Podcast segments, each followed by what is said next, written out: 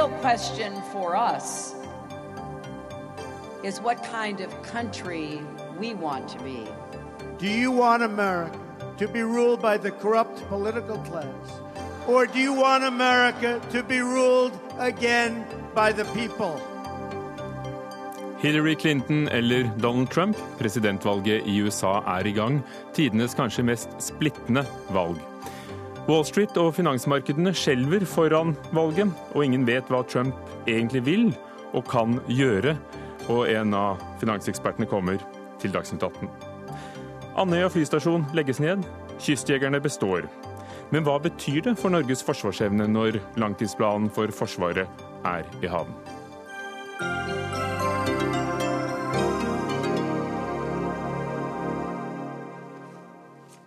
Velkommen til Dagsnytt 18 i NRK2 og NRK P2 med Ugo Fermariello i studio. Det har vært en lang, intens og bitter valgkamp i USA. Og nå er det de amerikanske velgernes tur til å bestemme. Gro Holm, vår korrespondent på plass i New York. Klokken er tolv. Du befinner deg på hotellet der Donald Trump skal ha sin valgvake. Hvordan oppfatter du stemningen? Ja, Folk er eh, veldig spente her nå. og Vi ser det jo på oppmøtet ved valglokalene, ikke minst i de statene som ikke har hatt forhåndsstemning. Det er lange køer mange steder. To til tre timers ventetid for å få avlagt stemme.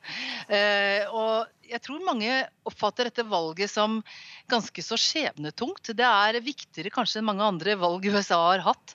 Eh, fordi eh, USA er nå så polarisert, så splittet, og fordi de to kandidatene står for så eh, forskjellige verdier, i hvert fall slik det har kommet til uttrykk gjennom denne valgkampen.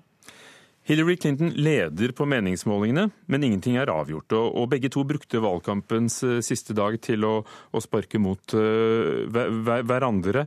Eh, hvem er det viktigst for Hillary nå å, å få med seg i disse siste timene? For Hiller er det viktigste å få med seg hvite med collegeutdannelse og hvite kvinner. Eh, hun, eh, hun, leder i begge disse gruppene, og det er grupper som eh, i mange valg har pleid å stemme republikansk, men, men de med utdannelse stemmer altså nå på Hillary Clinton. Og det er da viktig at de faktisk kommer ut og bruker stemmer, for det er mange som ikke er særlig entusiastiske for Clinton. Dette er veldig mye et valg mot Clinton for republikanernes vedkommende og mot Trump for for eh, demokraters vedkommende. Veldig mye negativ motivasjon ute og går her. Men hun må få dem til å møte opp. Og så er det da selvfølgelig minoritetene. Eh, svarte velgere de har møtt opp så langt i mindre grad enn i 2012 og 2008, da det var snakk om å stemme for Obama. Det er kanskje ikke så rart. Eh, men også latinoamerikanere. Og de har møtt opp i stor grad i de statene som har hatt forhåndsstemning rekordstort. I Florida 89% flere enn i 2012. Og også i Nevada har det vært rapporter om mange, mange, mange latino velgere. Mens Donald Trump påstår selv at han kommer til å hale innpå i, i siste liten. Eh, hvem er det han frir til nå? Ja, han frir jo igjen til sine kjernevelgere. Vi har sett det på de siste valgkampmøtene nå, så er han tilbake til den bøllete, mer sånn bøllete utgaven av Donald Trump. Mindre den som følger eh, prompten og leser det som står der. Eh, han må, ha, han må få hvite velgere uten collegeutdannelse, og da særlig menn, ut til å stemme. Det er hans kjernevelgere, og han er helt avhengig av også å kunne vinne eh, en stat, eh, i hvert fall, som, hvor demokratene står ganske sterkt i dag. Og da snakker vi om rustbeltestater som Pennsylvania, eh, Michigan eh, eller eh, Wisconsin. Ohio, som også er en rustbeltestat, den har han nok allerede inne med en solid ledelse på meningsmålingene. Og når du sier rustbeltestat, så er det fordi der befinner det seg eh, mange som tidligere jobbet nettopp i industrien. Der, der, er det mange tidligere stålarbeidere, kullgruvearbeidere, industrier som det har gått nedover med. De har mistet hundretusenvis av industriarbeidsplasser. Eh, det Trump jo da sier er at de har mistet dem til eh, Kina og Mexico hovedsakelig. Det er de landene han, eh, han nevner. Mens sannheten er jo at de har i stor grad mistet de til teknologisk modernisering. Maskinene har overtatt for menneskene, men det er ikke noe Trump kommer inn på i sine taler. Og det budskapet, har, det budskapet går hjem. Jeg har vært og besøkt flere av disse statene selv. Og der er det mange demokrater som nå sier at de vil stemme republikansk pga. Eh, Clintons løfter om å få stålindustrien tilbake og å eh, trekke seg fra frihandelsavtalen, eller i hvert fall reforhandle de frihandelsavtalene som USA er en del av. Det er rustbeltestatene. En annen veldig viktig stat for valget er eh, Florida. Jarle Roheim Haakonsen, reporter på plass eh, der. Dette er jo da en av de viktige vippestatene eh, som pga. valgsystemet i USA blir avgjørende. Når får vi vite hvilken vei velgerne i Florida tipper? Ja, Det spørs hvor eh, på vippen eh, de er. Hvis eh, de er sånn som Florida pleier å være, veldig jevne, og det ser det ut nå på de siste målingene som kom før valglokalene åpnet, ja, så kan det trekke ut. Nå stenger lokalene i Florida rundt klokka to norsk tid, og hvis det er klart, så vil man da vite ganske raskt hvem som har tatt Florida. Og hvis Trump tar Florida, så er han fortsatt med. Hvis han ikke ikke tar Florida, så sier de fleste at det, da er hans sjanser borte. Så eh, Florida-velgerne er igjen de som hele verden ser til. og Vi har vært ute i valglokalene da det åpnet i dag eh, klokka sju eh, lokal tid. Og der var det også lange køer, selv om de aller fleste velgerne her faktisk har stemt på forhånd. I år er det altså flere i Florida som har forhåndsstemt, enn det var velgere som stemte samlet sett ved forrige valg. Eh, hva forteller det oss?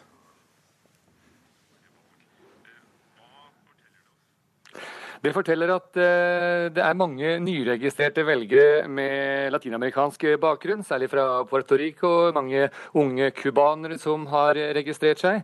Eh, men det forteller også at det er en stor gruppe eh, hvite velgere, særlig i det området hvor jeg er nå, som er helt øst i Florida, helt inn mot Alabama. Her er det en sørstatsdel av Florida, så her er det hvite menn uten utdanning som har verdispørsmål høyt opp på agendaen, og særlig verdien verdien av det å ha våpen i beltet.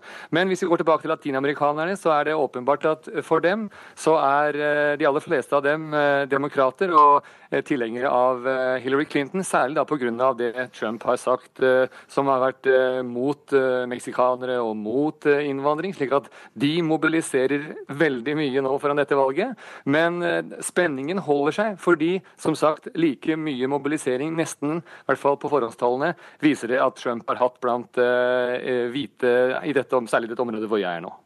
Takk skal du ha, Jarle Roheim Haakonsen på, på plass øst i Florida. Hilde Restad, førsteamanuensis og en eh, kjenner av USA ved Bjørknes høgskole. Hvem kommer til å vinne? Begynte eh, enkelt.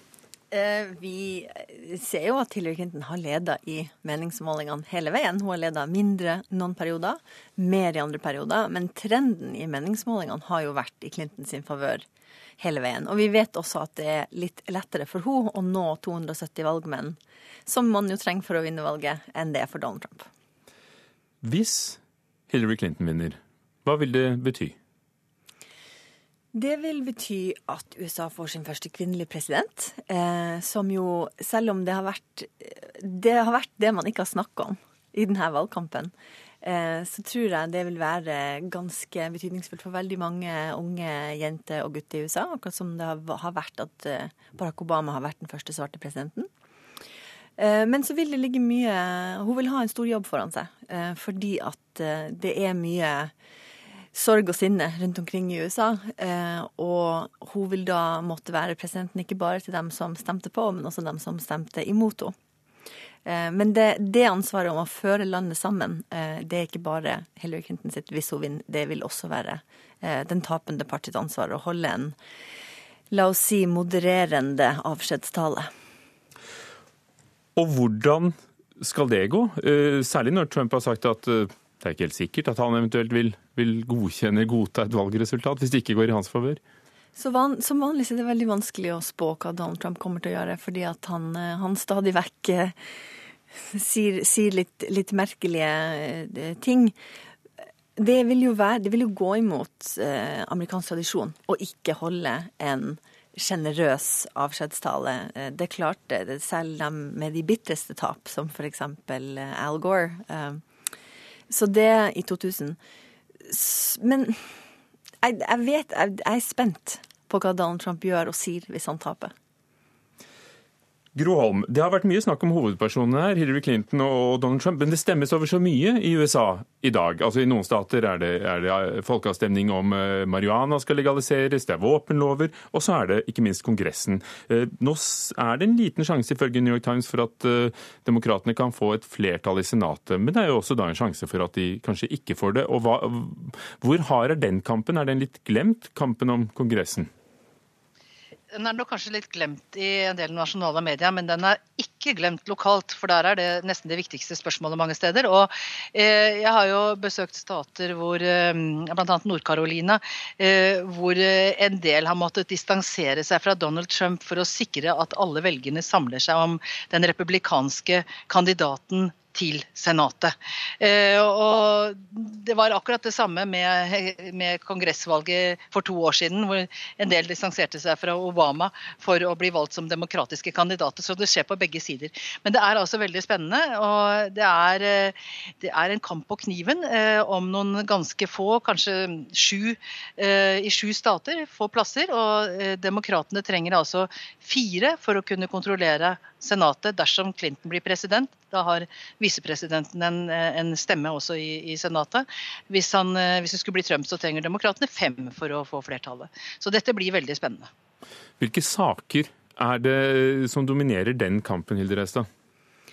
I uh, valg av senatorer er det selvfølgelig ulike, ulike, saker fra delstat til delstat. Men det er jo, hvis demokratene vinner Eh, de fire setene de trenger, så har de jo bare 50% av altså Da har de 50 av 100 senatorer, så de vil jo ikke kunne kontrollere Kongressen. Så selv i det her scenarioet hvor, som demokratene ønsker seg, hvor Hillary Clinton blir president, og de klarer å, å eh, få 50 senatorer av 100, så vil de fortsatt eh, måtte møte et republikansk parti og republikanske senatorer som har vist seg å være ganske lite interessert i å samarbeide. Og da særlig, det som er interessant, er jo at det er et åpent sete på Høyesterett. Eh, senatet skal egentlig mm, stemme over en ny høyesterettsdommer. Eh, de har nekta å stemme over den kandidaten som Barack Obama har utnevnt. Men selvfølgelig fordi de håper at de skal vinne valget, og at en president Trump skal utnevne en ny kandidat. Men her ser vi jo at hvis ikke eh, demokratene får 60 senatorer, og det gjør de jo selvfølgelig ikke, så de, har de egentlig ikke kontroll, og vi vil se mye konflikt i Senatet fremover. Gro Holm, du skal inn på, på valgvaken til eh, Trump etter hvert. Eh, vi får se deg gjennom hele natten på NRK1. Når venter noen et resultat? Eh, ja, det, det, er veldig usikkert. Altså, vi må jo i hvert fall vente til resultatet i, eller til det er stengt lokalene i Florida og Nord-Carolina. Og det skjer i Florida ved, ved totiden norsk tid i natt. Og da får vi kanskje en exit poll og en, en pekepinn. Og, og, så skal jo faktisk så skal det telles. Så ja, det blir nok utpå morgenkvisten, kanskje norsk tid en gang. Da er det jo heldig at man kan følge med hele, hele, natten på NRK. Takk skal du ha, Gro Halm, korrespondent på plass i, i New York. Og Hilde Restad, du blir eh, sittende. Dagsnytt 18 alle hverdager kl 18.00 på NRK P2 og NRK2.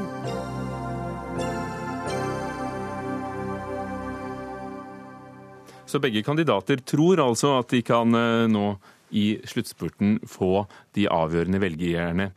Erika Gublium, du er førsteamanuensis ved Høgskolen i Oslo og Akershus og sosiolog. Hva skyldes eh, Donald Trumps popularitet, eh, som du ser det? Jeg tror at eh, det er på grunn av uh, skam, faktisk, på en måte, for noen av de som støtter ham. Uh, ikke alle, men de som er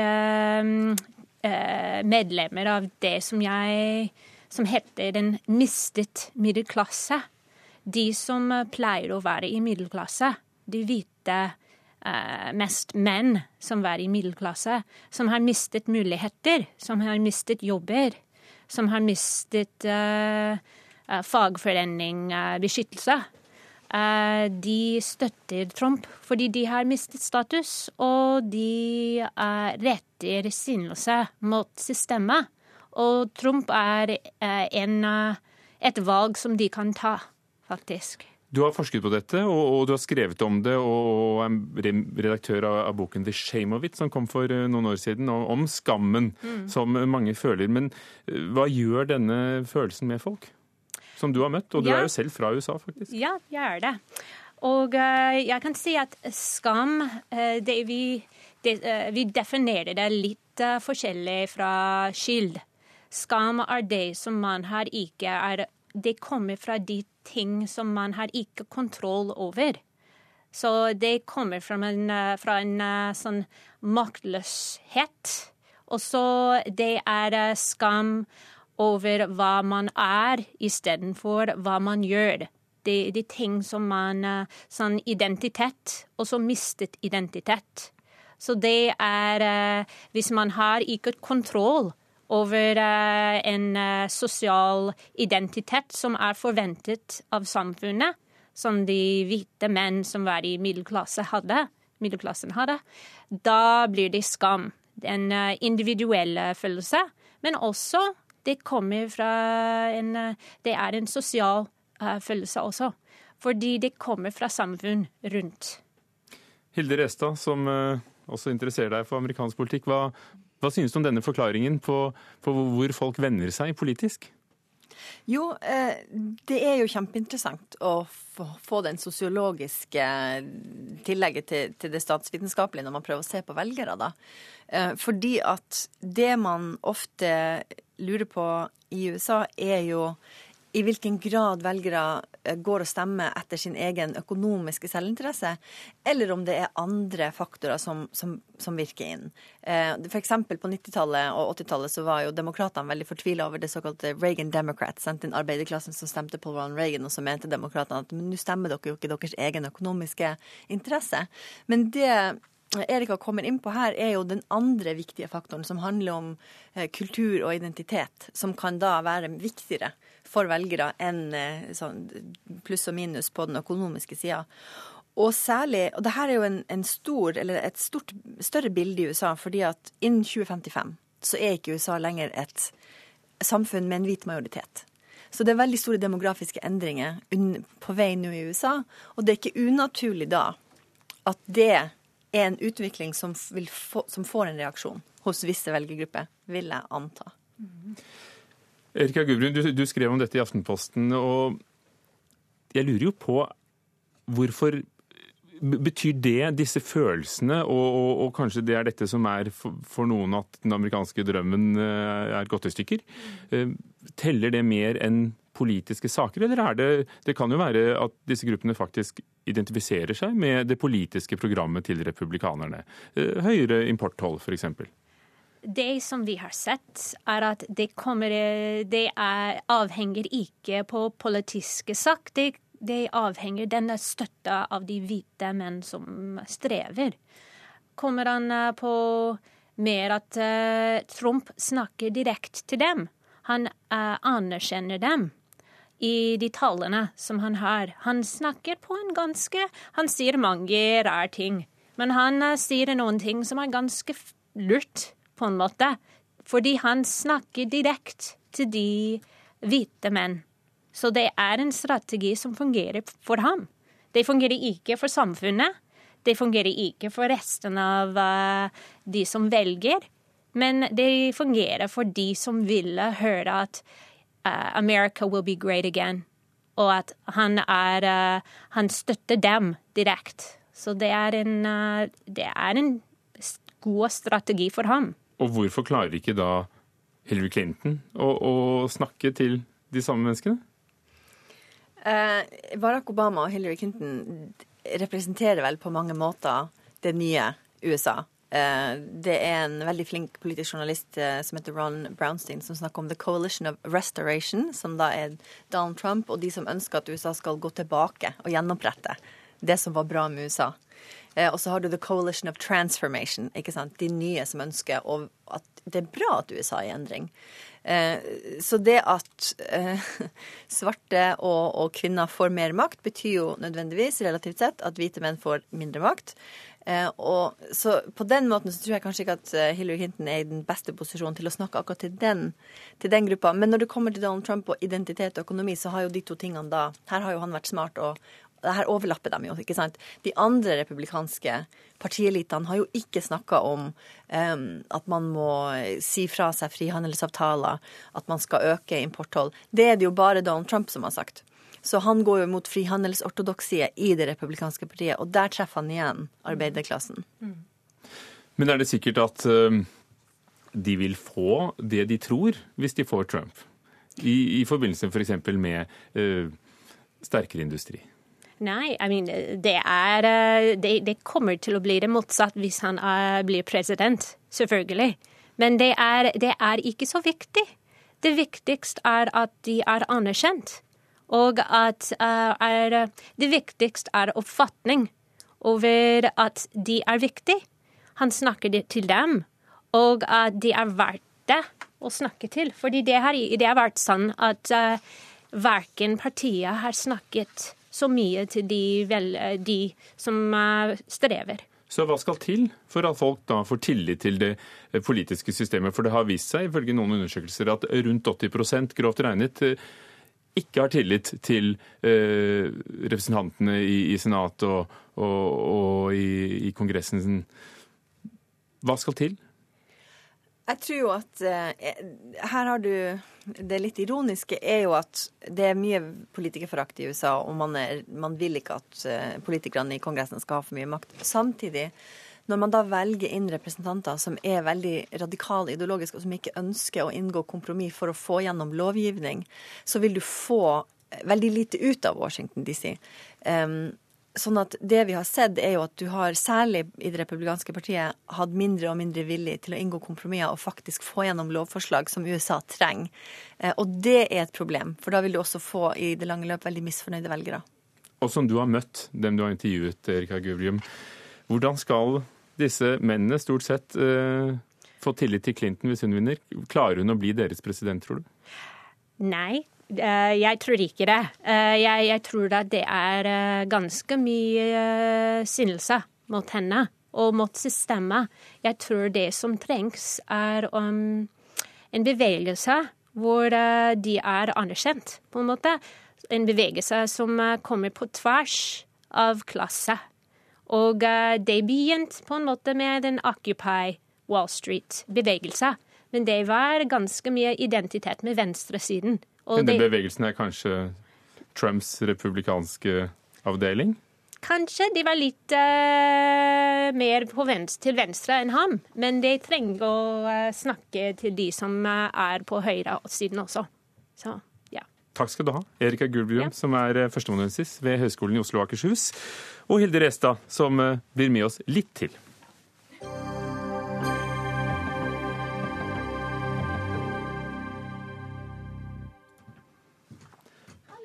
Popstjerner og filmstjerner har vært brukt for det de har vært i innspurten på valgkampen i USA. Parodiene er mange på nett, de er mange på TV-ene, eh, og mange mener at det har vært en parodi av en valgkamp også. Eh, er det ren underholdning, eller har det en innvirkning på hvem som blir president? Her er et eksemplar av arten, nemlig Alec Baldwin, som er Donald Trump eh, på Saturday Night Live-programmet. Congratulations, Secretary Clinton. And Mr. Trump, please continue. I have a fantastic relationship with Mexico, okay? I have personally met with the Mexican president. I forget his name. I think it was something like Mr. Guacamole. I'm sorry, excuse me, Senor Guacamole. I also met his beautiful wife, Taquito, and their twin children, Chips and Salsa. Alec Baldwin som den eh, snakker som Trump, som snakker om den meksikanske presidenten senor Guacamole, som han kalte ham. Eh, Gjermund Stenberg Eriksen, manusforfatter, kjent eh, bl.a. som hovedforfatteren bak TV-serien Mammon. Ja, hva vil du si hvis du skal se det med en dramatikers øyne? Om valgkampen, eller, da, eller Om materien dere Om materien, har å bruke? så er jeg ikke på at dette er en parodi ennå. Dette er vel mer tragedie, eh, hvis vi får litt avstand til det. dette er jo i ferd med å gå fryktelig galt. Eh, som, eh, dersom vi hadde skrevet dette som manus, så hadde det jo ikke blitt godkjent av noen TV-kanal. Fordi det har jo gått over stokk og stein med tilfeldigheter og eh, hendelsesforløp som eh, man ikke skulle tro kunne skje. Britta Møyseth eh, Engseth, eh, filmviter, eh, blogger, kjent, interessert person i USA. Lidenskapelig opptatt av Jeg er veldig kjent i USA, det er riktig. Ja. disse parodiene er ikke noe, noe nytt, men hva har de fått å boltre seg med denne gangen? Du, Det er vel egentlig altså, uh, Alec Baldwins uh, Trump-parodi er god, men den er ikke så gripende, så hard og så nådeløs som uh, Tina Feys parodi av Sarah Palin var i sin tid. som jo i grunnen veltet hele kampanjen til John McCain. altså bare med, med det korte innslaget på Saturday Night Live. Um, og det med at man ikke ville fått godtatt uh, dette her som en, en, dramaserie, det har man jo. Hver eneste dag har dette gått som en serie på, på fjernsyn. Men det interessante er at de beste kommentarene eh, altså, og, og parodiene og analysene har kommet fra Eh, vanlige folk fra, på sosiale medier. Eh, Randy Rainbow, f.eks., som har en uh, fantastisk liten uh, lager fantastisk små snutter på, på Facebook, uh, som plutselig får millioner av visninger.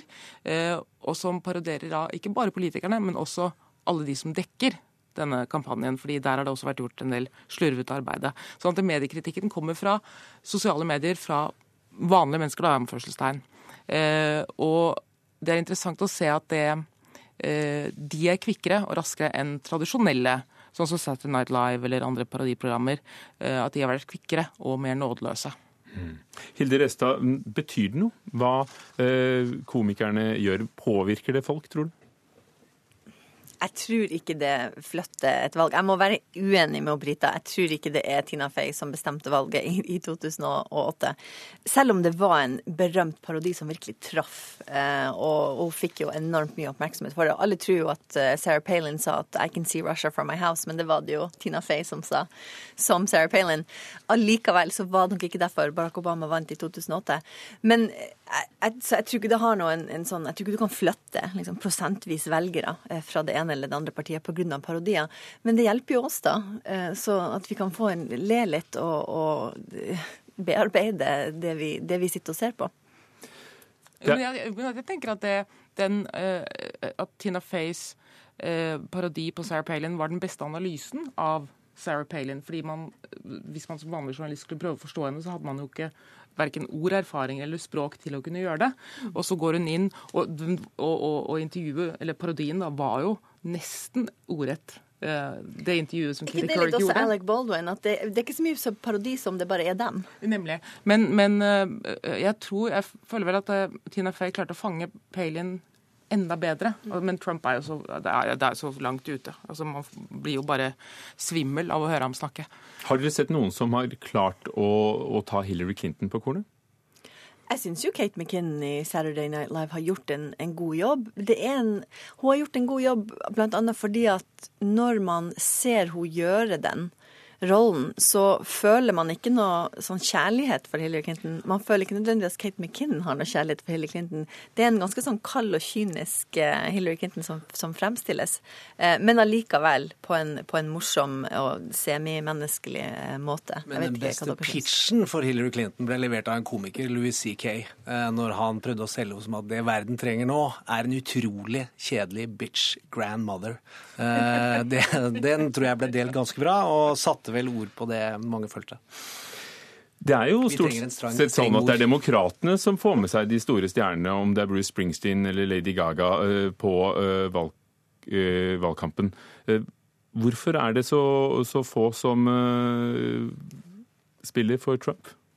Det er veldig, vet du hva, det er veldig, jeg tenker at det er veldig vanskelig å lage For veldig konservative mennesker er humor veldig vanskelig. Fordi den som regel skal sparke oppover. Vi så Fox hadde nå husker jeg ikke hva han heter, men han, de sendte jo ut en, en liksom-artig fyr som var, skulle intervjue Fem på gata, og gikk ut i Chinatown, var vel i New York, ja. ja. Uh, og det skulle også være et slags parodi. Uh, og ble altså Var et rasistisk krater av dimensjoner. Eh, sånn at de får ikke til å lage den formen for satire. Det er noen ting med, med, med satire og parodier som ikke helt fungerer på den siden av eh, spekteret på politikken. Men I forhold til artister og slik, så tror jeg det er at like barn leker best. Og Hollywood og kjendiseri er drevet av New York og LA, og der er det ganske liberale mennesker som bor. Eh, og du blir nok ikke populær i liberale skuespillerregi eller produsentmiljøer hvis du rope rundt at du er en Donald Trump-støtter.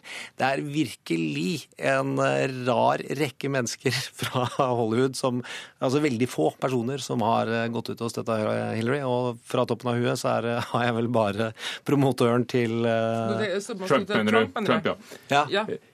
Ja. ja Gjermund Stenberg Eriksen, det sies jo bl.a. i New York Times at den etter hvert populære serien House of Cards bygger på Clintons makt om presidentkampen. Uh, har du sett House of Cards? Ja, ja, er du gal. Regnet med det? Kan du se paralleller der til det som utspiller seg på TV-skjermene våre nå? Du kan se paralleller til uh, ganske onde krefter i amerikansk politikk som har, går over flere perioder. At uh, det fins en kvinne i House of Cards som er villig til å gå ganske langt. det tror jeg de har klart å tro, treffet en godt, god streng med Claire Underwood.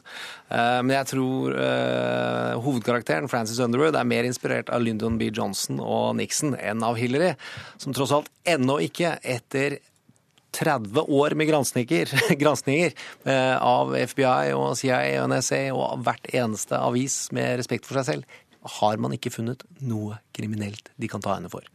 Så eh, det, hun er nok for kjedelig for House of Cards, altså. Men hvis virkeligheten da eh, overgår diktningen, så mm. vil vi dere, manusfattere, vel få ja. mer å, å skrive om? Etter denne valgkampen? Ja, det har vært veldig inspirerende for de som har lyst til å lage godt politisk drama. Så er det, er det mer enn nok til å lage flere serier, og i mange retninger, og med utrolig mange små buer. Men å putte alt dette inn i én sesong, det, det tror jeg man gjør klokt i å spare og vente litt med. De nye stjernene på sosiale medier, du nevnte noen av dem. Vil de kunne, om ikke flytte prosenttallene, vil de kunne påvirke opinionen?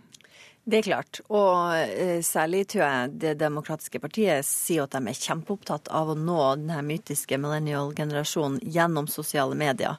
Og da må man jo bruke helt andre taktikker og være kul og være ironisk. ikke sant? Det er en, det er en helt annen form for outreach eh, som, som eh, de mener har påvirkning. Særlig på det å bare få folk til å stemme. De har vel også en ganske god planlegging av hvordan de legger konsertene de siste ukene. altså Hvor de eh, kule folk spiller musikk på de rette stedene i nærheten av de rette valglokalene og får den tydelige beskjeden av eh, politikeren på scenen som står ved siden av den fantastiske artisten gå og stem.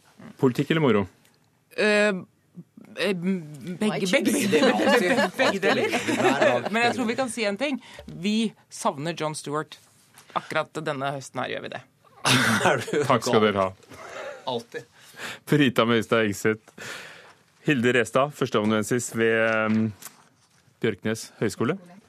Og Gjermund Stenberg Eriksen, en av mannsfatterne bak Mammon.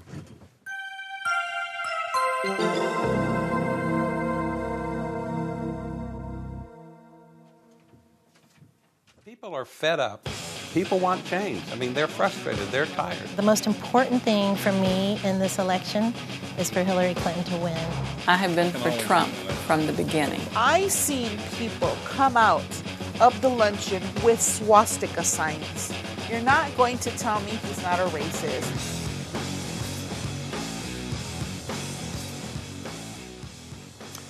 Ja, Donald Trump og Hillary Clinton har hatt hele verdens blikk på seg siden lenge før valgkampen startet. Her hørte vi altså helt vanlige velgere som NRK har møtt i USA.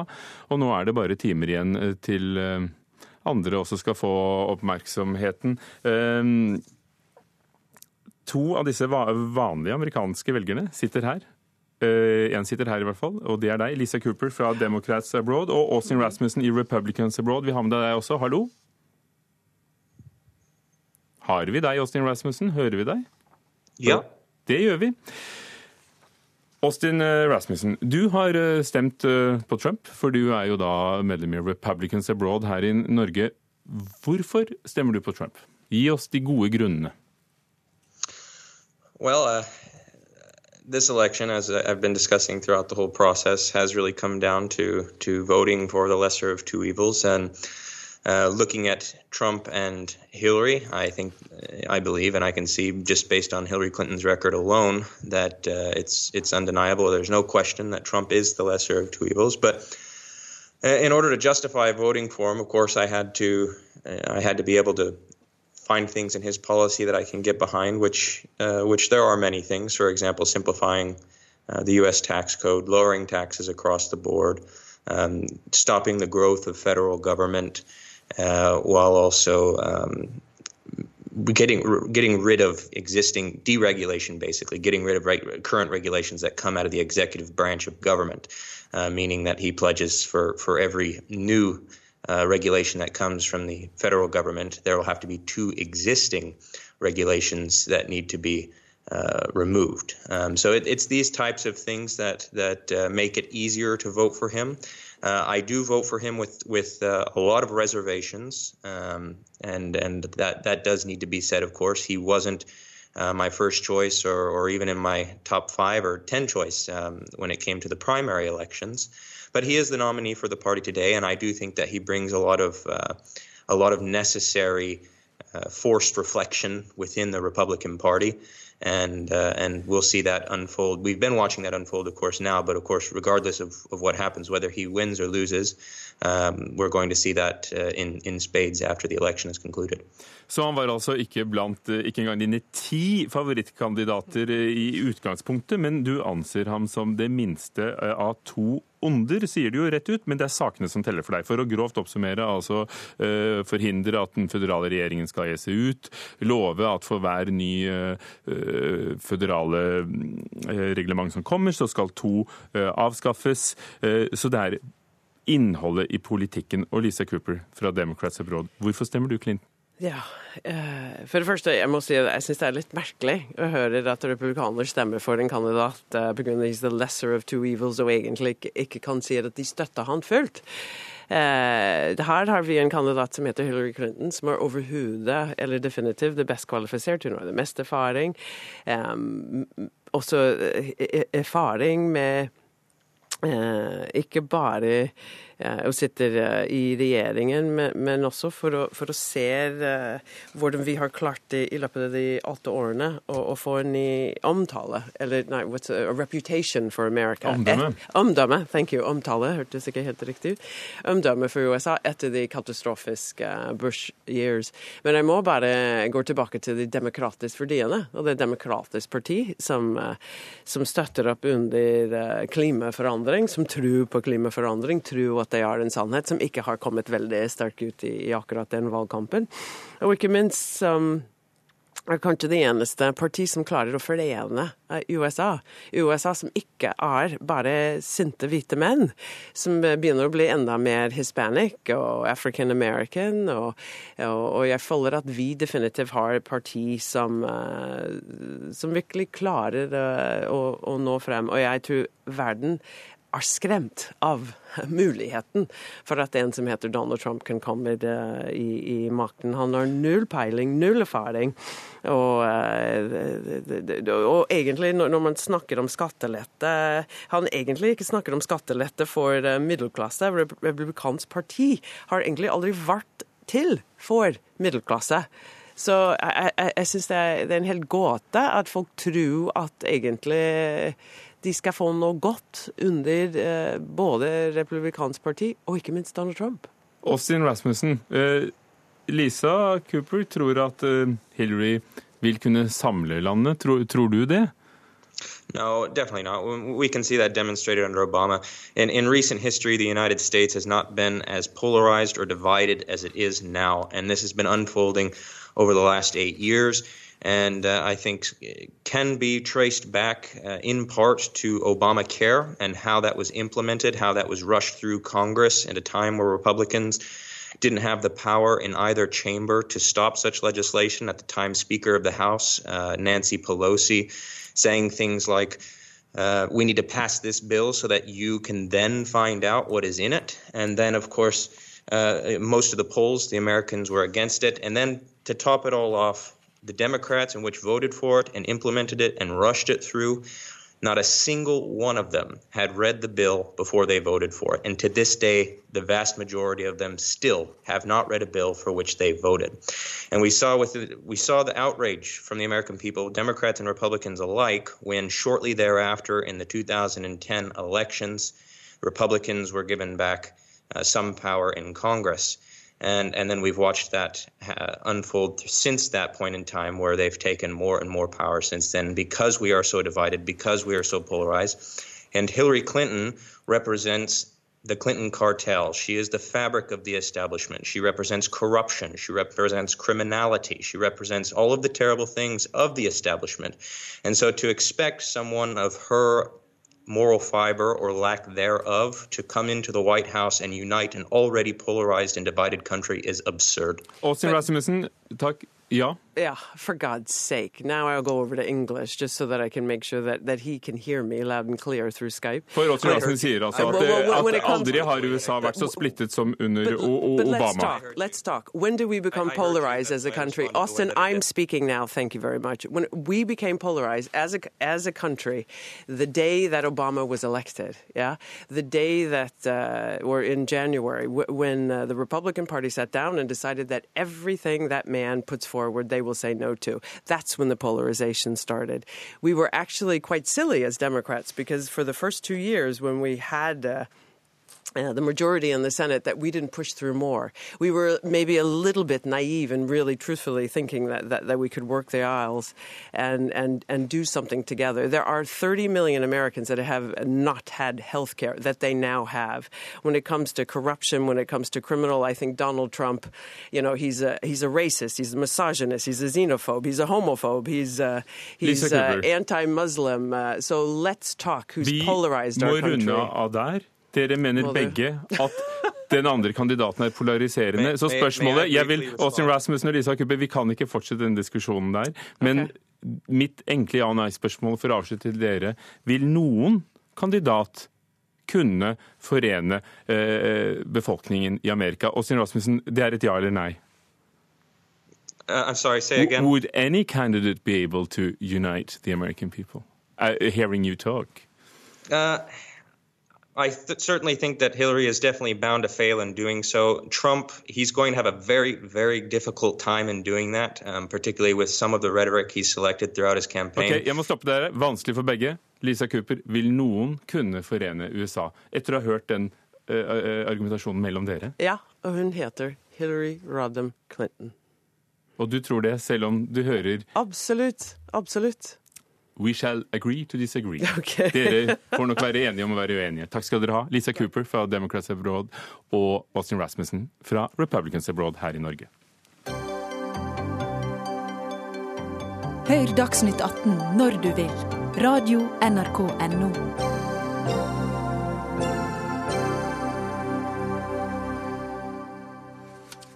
Som og vi var inne på nå nettopp, Donald Trump har lovet skattekutt til alle, men mest til dem med mest, og vil heve tollgrensene på varer fra Kina til 45% for å sikre USAs interesser. På Wall Street, finansmarkedene i USA, er nervøsiteten og angsten påtagelig før valget.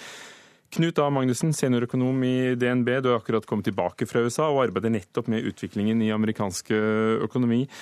Har finansfolkene grunn til å være engstelige? På, på, en måte så har det jo det, fordi Trumps forslag er ganske ekstreme. Du nevnte tollsatser.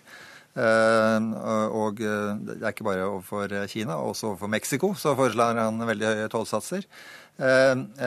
Og han kan sånn sett skape mye uro i markedene på kort sikt. Men jeg tror det også er veldig viktig her å se dette i sammenheng med kongressvalget. Og når det gjelder den økonomiske politikken generelt, så skal det aller meste gjennom Kongressen. Og dermed så har ikke selv en president Trump de helt store frihetsgradene i den økonomiske politikken.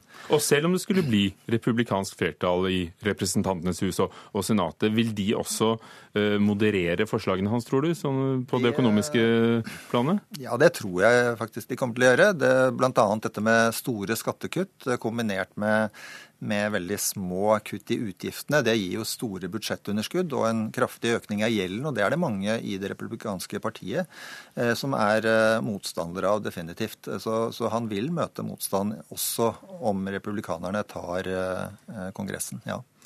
Om man ikke får sine 45% tollgrense for varer fra Kina, men en høyere en, hva, hva, hva kan skje? Nei, Det som er frykten der, det er jo at man kan se for seg en, en type starten på en handelskrig og økt proteksjonisme mer generelt. At han, han sier jo at han skal forhandle frem bedre betingelser for amerikanske selskaper. Og hvis han ikke får det til gjennom forhandlinger, så truer han med disse eh, høye tollsatsene. Og det er klart at hvis han faktisk eh, gjør det på den måten, så, så, han, eh, eh, så setter han i gang en negativ spiral her, og en prosess som kan ende opp med mindre handel generelt, og som også vil skade amerikansk økonomi på sikt. Men han mener jo at det vil skape arbeidsplasser i USA? Ja, det mener han. Men Mener ikke dere det? Nei, det tror jeg de fleste økonomer er veldig skeptiske til. Fordi nettopp det med internasjonal handel det anses å være positivt for de økonomiene som er med i handelssamkvemmet. Og, det å satse på en mer proteksjonistisk holdning, beskytte sine egne industrier, det fører sjelden til, til, til, noe godt, for å si det på den måten. Men uansett utfallet av valget, så vil det jo bli en, en ny regjering. Hvordan ser markedene på Hillary Clintons økonomiske politikk? Jeg tror eh, de tenker som så at med Clinton så blir det en, eh, stort sett en videreføring av det vi har sett eh, de siste årene. Hun har jo forslag som, som, som, som går litt i retning av en mer sosial profil, litt høyere skatt for de, de rikeste bl.a. Men med republikanerne i, i, Kongressen så er det jo veldig vanskelig for henne å få gjennomslag for den politikken. Så her kan vi fort komme i en situasjon hvor vi har vært de siste årene, hvor det eh, blir veldig vanskelig å få vedtatt budsjetter, eh, og eh, hvor hun sånn sett ikke får gjennomslag for så mye av sin politikk. Og eh, det høres jo ikke så spesielt bra ut, men for markedene så betyr dette små endringer og mindre usikkerhet, eh, faktisk, og mer forutsigbarhet. Og det er positivt. Takk skal du ha, Knut A. Magnussen, seniorøkonom i DNB.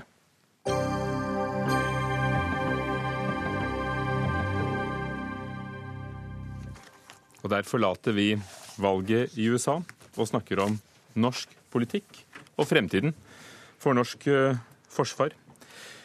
For USA er den største militærmakten i Nato-samarbeidet, og dermed vil også det valgresultatet skape ringvirkninger inn i eh, det militære samarbeidet med USA. Eh, så for å holde tråden litt til. Karsten Friis, eh, seniorrådgiver og leder for forskningsgruppen for sikkerhet og forsvar ved Utenrikspolitisk institutt, NUPI. Hva vil utvalget, utfallet av valget i USA ha å si for forsvarssamarbeidet med USA og Nato? Det vi i hvert fall kan si er at Uansett hvem som vinner, så vil eh, kravet om byrdefordeling, altså at Europa betaler mer for sitt eget forsvar, vil fortsette å stå ved lag. Det er ikke bare Trump som mener det, det mener også Hillary Clinton og mange andre rundt henne. Så det at, at Norge og resten av Nato i Europa må, må styrke forsvarene sine, det, er, det, kommer til å fortsette å være press på det. Men det han har sagt, er at øh, han ikke alltid nødvendigvis vil at USA skal komme til unnsetning? Ja, altså Hvis Trump vinner, så er det jo, kan jeg spekulere som alle andre. Det er jo store spørsmålstegn rundt, rundt hva han vil, og hans flørt med Putin og slike ting. Så, så ja, vi får, da må vi bare vente og se, rett og slett. Eh, men med, med, med Hillary Clinton så vet vi iallfall at det fortsatt kommer til å være press, eh, press på, på, dette med, med forsvarsbudsjett. Og nettopp hvor mye ressurser som skal brukes på de ulike satsingsområdene i Forsvaret, har vært en av del av de veldig krevende forhandlingene om langtidsplanen for Forsvaret som regjeringen la frem i dag. I tillegg er det oppnådd enighet om rammene for forsvarsbudsjettet for 2017 mellom regjeringen og samarbeidspartiene. Det som er klart, flybasen på Andøya skal legges ned. Rundt 390 millioner kroner mer skal brukes til Hæren, Kystjegerkommandoen som dermed bevares, og korpsene i Heimevernet og Sjøforsvaret som får fortsette å spille. Og Dette er bare noen av bestemmelsene i, i langtidsplanen. Før vi vender oss til eh, politikken, Karsten Friis, hva er hovedårsaken til at forhandlingene har vært så vanskelige for eh, partiene? Ja, Det er eh, kanskje to ting. Det ene er at, at, det har vært litt forskjellige prioriteringer. Altså Regjeringspartiene og Arbeiderpartiet har ønsket å legge vekt på det de kaller strategiske satsinger, sånn som kampfly, ubåter, maritim overvåkning, teknologi, slike ting. Mens sentrumspartiene har nok litt lagt mer vekt på si, med konvensjonelle hær og, og, og heimevern. Men, men, så er det en aspekt til, og det tror jeg er en, en gjengs oppfatning at vi må slutte å vedta et, et, et forsvarsstruktur som vi ikke kan, ikke kan betale for. Altså, Vi kan ikke vedta noe større enn det vi vil bevilge til. Og Når man alle er enige om det, så blir også debatten litt tøffere. For da kan man ikke liksom vedta ting som, man, som, som ingen har noe tro på. Man, man, det er for reell debatt om man faktisk får en struktur som, som, som matcher budsjettet. Vil langtidsplanen slik den nå foreligger, foreligger forandre evnen vår til å forsvare oss? Ja, jeg vil si at den, styrker, at, den bidrar til å, til å, styrke Forsvaret. Vi, vi har jo ligget langt nede, og det er mye igjen uh, med, å, med, å, få si, Forsvaret opp og, og, gå og møte de utfordringene som, uh, som, som, vi står overfor i dag, spesielt da med et, et nytt Russland. Men det er, et, det, er et, det er, mange riktige steg på riktig vei. Så kan man alltid argumentere at det burde være mer, og, og, og, det kan jeg være enig i, men, men det er iallfall ikke feil retning. Trine Skei Grande, partileder for Venstre. Vi har hørt om eh, forhandlingene som har pågått siden slutten av forrige uke. Hvorfor stiller ikke du deg bak langtidsplanen slik den ble vedtatt i dag, selv om dere godkjenner budsjettrammene? Det er fordi at vi er uenige i noen av de store prioriteringene, eh, og hvordan de innfases. Eh, og jeg tror at Friis har rett. at Grunnen til at det kanskje har vært litt tøffere denne runden enn det har vært før. at Før så har liksom regjeringa lagt fram, og så kjemper man for noen baser, og så får alle det, og så ordner det seg. Eh, men vi la fram et alternativ til langtidsplanen til regjeringa som prioriterte hær og heimevern mye sterkere. Og da var vi villige til å prioritere noe annet ned. Og de, det som vi var villige til å prioritere ned, var å innfase jagerfly f.eks. Eh, over en litt lengre periode, mens man putter hær og heimevern foran. Og at vi tror at Orion-flyene kunne ha fungert mye lengre, at vi ikke trenger å kjøpe nye overvåkningsfly. Eh, og så er det at vi er reelt sett uenige om noen av summene som ligger bak vedtakene. Vi er vi stiller store spørsmålstegn ved om det å flytte alt på Andøya over på Evenes, og ikke ha en delt løsning, hvordan det kan bli billigere. Vi tror at det blir mye dyrere. Så vi har hatt en del sånne uenigheter òg, der det har vært vanskelig å få alle fakta på bordet. Og det har gjort at det har vært vanskelig å, å bli enige om langtidsplanen, og vi brøyt på langtidsplanen, men vi satte oss ned og ble enige om budsjettet. Trond Helleland, parlamentarisk leder i Høyre. Hvorfor vil dere legge ned flybasen på Andøya og flytte alle flyene, det er da overvåkningsflyene det er snakk om, til Evenes? Svaret på det er jo eh, det som eh, Friis begynte med her, at eh, vi må nå vedta en langtidsplan som faktisk kan gjennomføres. og eh, Eh, langtidsplan for Forsvaret har fått tittelen 'Kampkraft og bærekraft'. Altså, Vi kan ikke fortsette å opprettholde eh, to baser i nærheten av hverandre som skal kunne beskyttes i en, eh, i en krisesituasjon. Det er veldig vondt å måtte bidra til at Andøya flystasjon legges ned.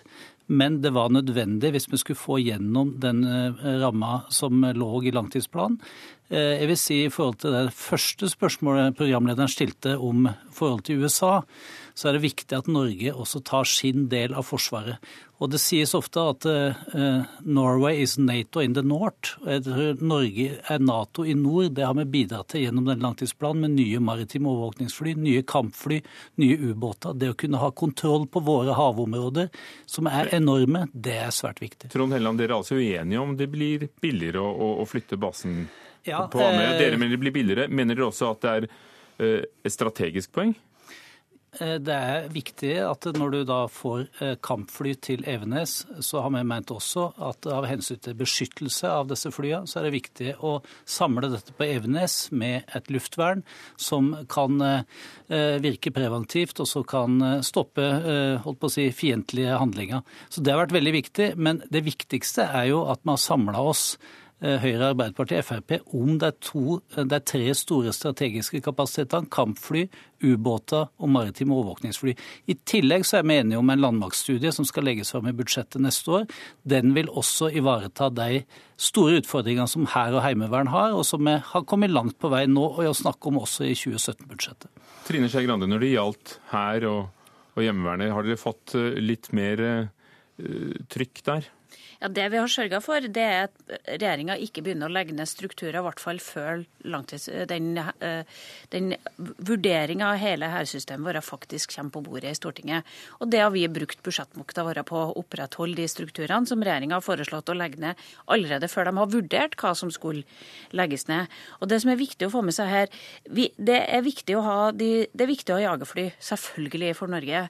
Det er viktig å ha ubåter, det er viktig å ha sånne typer strukturer. Men det er også viktig at vi klarer å prioritere blant de ressursene vi har, hær og heimevern.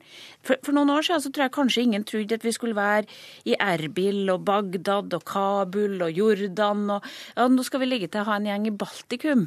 Dette er i ferd med å endre seg veldig mye, og da må vi ha folk, vi må ha tilstedeværelse, vi må ha et heimevern som kan ta vare på den, den sikkerheten som som f.eks. terror reiser rundt oss.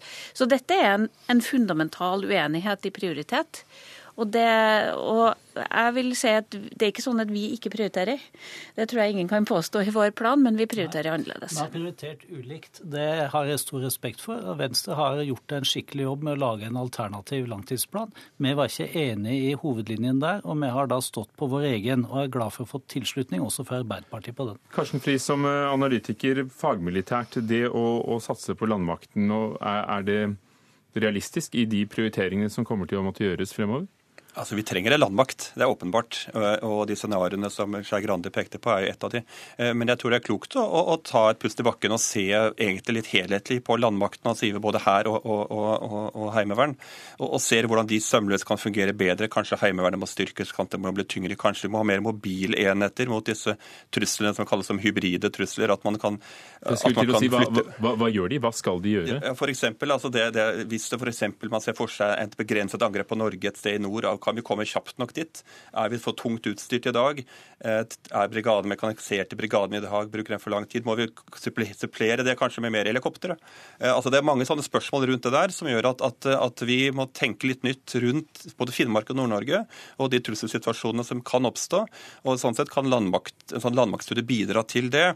At vi iallfall ikke investerer i feil ting. For det alle ønsker, eller vi er enige om det, at vi ønsker mest mulig, som amerikanerne sier, eh, bang for the bucks. Altså mest mulig kampkraft, effekt effekt ut av de pengene vi bruker. Vi har jo gjort noen prioriteringer i 2017-budsjettet som vi da er enige om, som nettopp går på å styrke Heimevernet i Finnmark og Troms, altså de nordligste distriktene. Grande, hvorfor kjempet dere for Andøya-basen? Fordi at vi tror at, Først og fremst fordi at det, vi mener at vi bruker altfor mye penger på å flytte over materiell som kan brukes fra Andøya over på Evenes. Vi tror ikke dette økonomisk holder. Og det Problemet da er at da tar det bort handlingsrom som vi ville ha brukt til å prioritere hær og heimevern i senere år. Og den veien gikk det ikke. Jonny Solsvik, ordfører i eh, Andøya kommune for Høyre. Hva betyr nedleggelsen av flybasen for eh, dere? Nei, Det er helt forståelig at spørsmålet om flybasen på Andøya og nedleggelse for den har vært et av de vanskeligste spørsmålene i langtidsmeldinga. Jeg har lyst til å minne alle de som er til stede i studio om at akkurat det poenget som Friis hadde innledningsvis, om at vi altfor mange ganger har hatt, gjort vedtak i langtidsmeldinger som ikke blir fulgt opp, slik at man har vedtatt, eh, man har vedtatt å ha et forsvar som ikke man har finansiert. Det samme Eh, er i ferd med å skje gjennom å legge ned Andøya og flytte dette over til eh, virksomheten her over til Evenes. Det har sammenheng med alle de uklarhetene eh, og etter vårt syn dårlige, dårlige bakgrunnsberegningene som er gjort knyttet til kostnader både med nedleggelse og oppbygging på Evenes. Og Det mener vi at vi har vel dokumentert at det er at her er flere forhold her som burde ha, man burde ha tatt seg tid til og gått nærmere inn på å kvalitetssikre det som er beregningsgrunnlaget bak denne beslutninga. Mener du at eh, slaget er, er, tapt nå, eller eh, fortsetter dere kampen? Nei, jeg mener at slaget eh, på langt nær er tapt, hvis man skal kalle det for et slag. For Det dette handler om, det er at jeg tror alle partiene på Stortinget, også de som er med der i studio i dag, er, er opptatt av at vi skal bruke de pengene vi har til, rådighet for å og ha et, et, godt og relevant forsvar på en best mulig måte. Og Da, da er det viktig å kvalitetssikre de, de, de, de beregningene man, som legges til grunn for de beslutningene man gjør. Og, og, jeg, jeg, stopper, jeg, stopper, det der, Jonny Solsvik, for at Trond Helleland skal få svare på om uh, dere virkelig er i havn med alle beregningene. Er det, uh, er det virkelig så endelig som det virker i dag? Enhver diskusjon om en nedleggelse av en base eller en, eh, avdeling vil naturlig nok bli møtt med skepsis, og det vil alltid bli gjort alternative beregninger. Men det vi har blitt enige om, og som vi skal legge inn i landmaktstudien, det er at vi skal ha en kvalitetssikring av tallene. Vi skal få det tilbake Takk skal dere ha. revidert. Trond Helleland fra Høyre, Trine Skei Grande fra Venstre, Karsten Friis fra NUPI og Jonny Solsvik, ordfører i Andøy. Hilde Tosterud var teknisk ansvarlig. Ida Tune Ørisland produsent. Ugo Fermariello programleder. Takk for i dag.